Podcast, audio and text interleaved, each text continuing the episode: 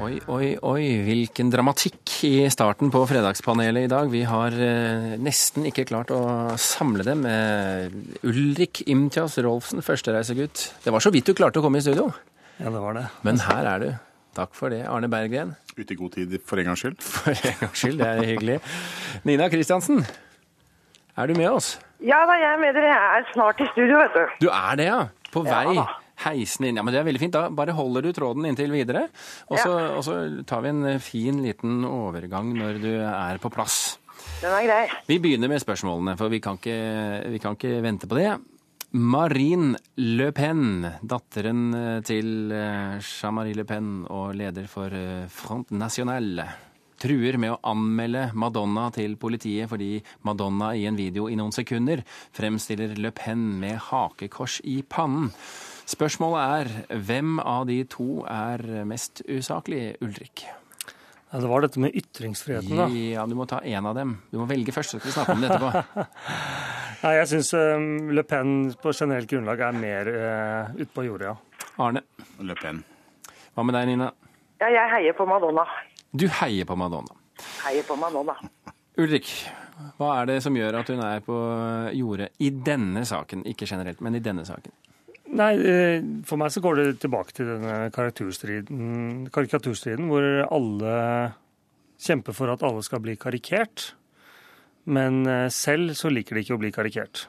Eh, Og det er klart at man kan jo argumentere for at dette er en karikatur av en person, ved å sette et hakkors i panna på, på den personen. Eh, Arne? Nei, Jeg kan jo sverge på at jeg har sett det hakekorset. Altså, Jeg mener jo bestemt at hun har hatt det der hele tiden. Så det er ikke en karikatur engang.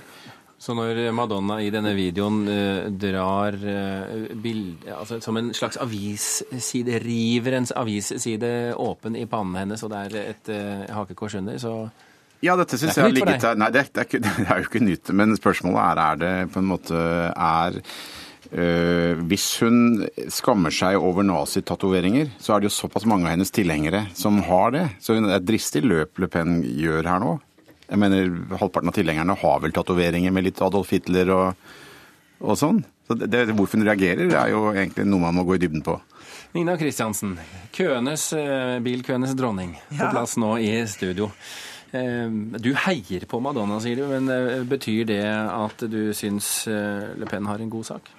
Nei, altså, som redaktør øh, Hvis jeg hadde da vært redaktør for Madonnas video, så veit Da hadde den ikke ikke sett sånn ut. Nei, det, det er sikkert mange ting som vi ville endra på, men, men så, så, så må du da vurdere saklighetsbegrepet. Og er det liksom en nazistisk bevegelse Le Pen står for, eller ikke? Selv om vi, vi liker jo ikke henne, vi. Og vi syns jo det, vi kan jo synse mye om tilhengeren hennes, men jeg ville nok vurdert sakligheten, da. Men i og med at jeg ikke er redaktør for Madonnas video, så heier jeg på henne. Hmm, Men eh, ligger det litt implisitt i det du svarte nå, at eh, det er litt usaklig å sette dem i bås med nazistene, de fra Nasjonal Front? Ja, altså Da måtte man jo gått inn og sett på programmet og sett om det er grunn til å kalle det nazistisk. ikke sant, Hvis det er en ytring. Men jeg har jo ikke noe sympati til overs for eh, dette her franske partiet, så vær så god, herj med dem. Ulrik? Le Pen er jo blant dem som eh, argumentert for at man skal kunne karikere Mohammed som en som har bombe i turbanen. Eh, og hvor saklig eller usaklig det er, er vel kanskje ikke si, Alle muslimer er ikke drapsmenn med bomber heller, så jeg vet ikke, jeg. Det må være lov å karikere. Så Madonna er på sin plass? Nå er det forskjell på Mohammed og en levende person eh, som har et politisk program, da. ikke sant? Ja, jeg syns jo det er det i forhold til en sånn historisk person som har vært død en stund. Vi burde ha større friheter når det gjelder han. Ser Men- du også det sånn, eh, Berggren? Jeg, altså jeg sitter jo og tenker på liksom, som en retorisk grep, som et politisk virkemiddel i en popvideo av Madonna. Altså, så kjenner jeg også det er noe, det er noe sånn Jeg får litt sånn ullen smak. Det er veldig det er opportunistisk. Det er veldig lett, det hun gjør. Men, eh, men eh, litt kult også. Selv om jeg generelt er skeptisk til tatoveringer uansett hva som er i dem. La det være konklusjonen på dette spørsmålet i dagens fredagspanel. Dette første spørsmålet, vi har to igjen. Og det første av dem eh, går som følger. Til tross for at det er 13 års eh, aldersgrense på Facebook i dag, så er 7,5 millioner barn på nettstedet likevel. Spekulasjonene fra USA tyder nå på at eh, Facebook muligens eh, ordentlig utvikler et tilbud til de under 13. Spørsmålet er er dette en god idé?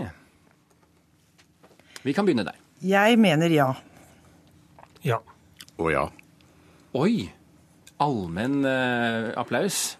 Så det er ingen problemer, eh, eh, Ulrik, eh, med å la barn gå fritt løs på internett i sosiale medier? Sosiale medier, SoMe, er jo den måten vi kommuniserer på nå. Og det er direkte uansvarlig å hindre barn i å lære å kommunisere. Ja, Vi er en familie på seks, da, og vi klarer å bo i samme hus, men vi klarer ikke å holde oversikten over hverandre. Så vi har Facebook-gruppe da, i familien, hvor det er sånn kjøp ost og brød og nå husk på at det er bursdag i helga. Hvor er du nå? Og, det, og da syns jeg det er kjempefint at den yngste endelig kom med på Facebook, sånn at hun også kan være med på den kommunikasjonen. Du har altså holdt henne gående til hun ble 13? Hun ante Nei, har ikke det, da. Ikke helt. Altså, bare, du trenger ikke være redd, for det er ikke ulovlig i Norge. Nei, nei, bare- nei, nei, jeg har ikke helt det. Altså, men vi har jo, jeg prøver litt sånn der å holde aldersgrenser på, på alle typer medier, på et vis. Men fordelen med Facebook er jo der at der har vi innsyn i hva barna gjør, i motsetning til andre typer medier de bruker. Altså, Barn får jo lov til å se på TV, men jeg lar jo ikke barna mine se alt på TV. Og hva de gjør når jeg ikke er hjemme, det aner jeg ingenting om. Er du På- sikker på at alle barna dine kommer til å ønske å være Facebook-venn med deg når det strammer seg til? Nei, men Poenget er at de stopper jo ikke sant, når de er 16. Da kaster de meg ut. Eh, men så hvis de da begynner tidlig nok, så har jeg i hvert fall hatt oppsyn en stund, da. Det syns jeg er bra. Er du eh, enig i denne tankegangen? eh, Jeg synes det er fint at hun kan legge ut altså Nå, har jeg handlet brød, så kan barna si like og sånne ting på, men, men, men det er jo altså det er fint at jeg går ut fra at man tenker så langt at man må ha et beskyttet område. Det må være andre regler her. Altså Det reiser jo noen spørsmål om sensur og alle disse tingene. Men, men jeg er jo helt enig i at de kommuniserer. Altså Vi har jo latt dem på mobiltelefon etter hvert. Det var jo strengt forbudt å ha mobiltelefon før du var 18 for, på, på 90-tallet, liksom.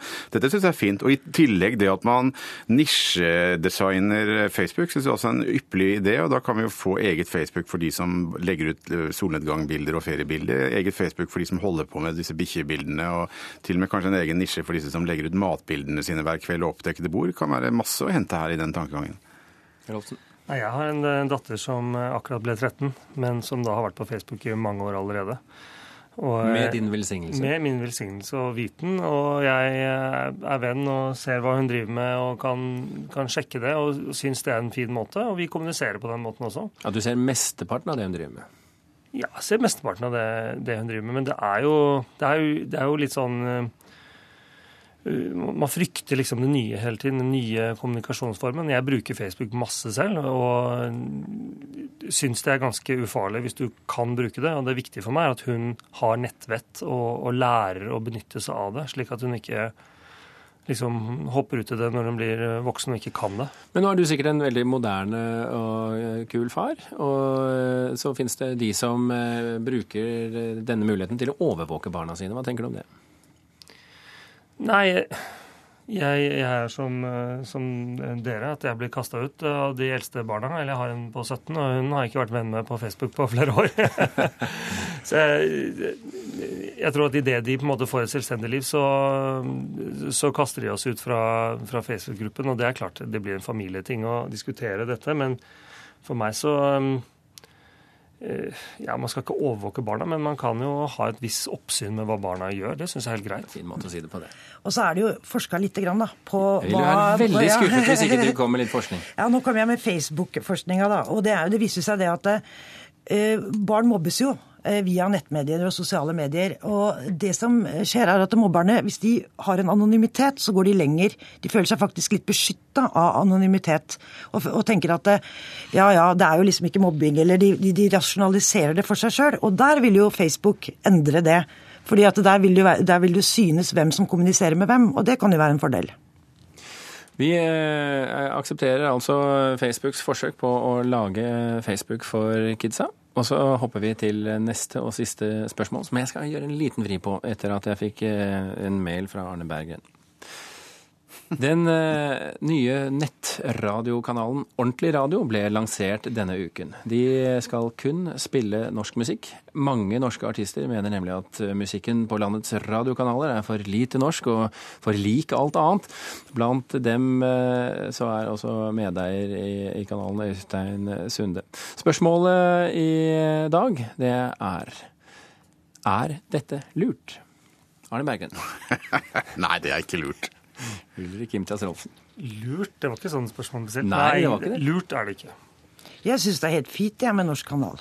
Fint. Da kan du begynne å forsvare ordentlig radio. Men jeg syns det er fint med norsk kanal med norsk musikk. Som et tilbud til de som har lyst til å høre på norsk musikk spesielt. Men jeg tror ikke at dette her er viktig i forhold til å bevare norsk musikk, eh, eller å liksom forhindre innflytelse fra den veldig like internasjonale musikken. Det tror jeg er litt sånn eh, redsel for det ukjente, da. Eller at og den nostalgien som ligger rundt liksom et eller annet pussig oppfatning av det som er norsk.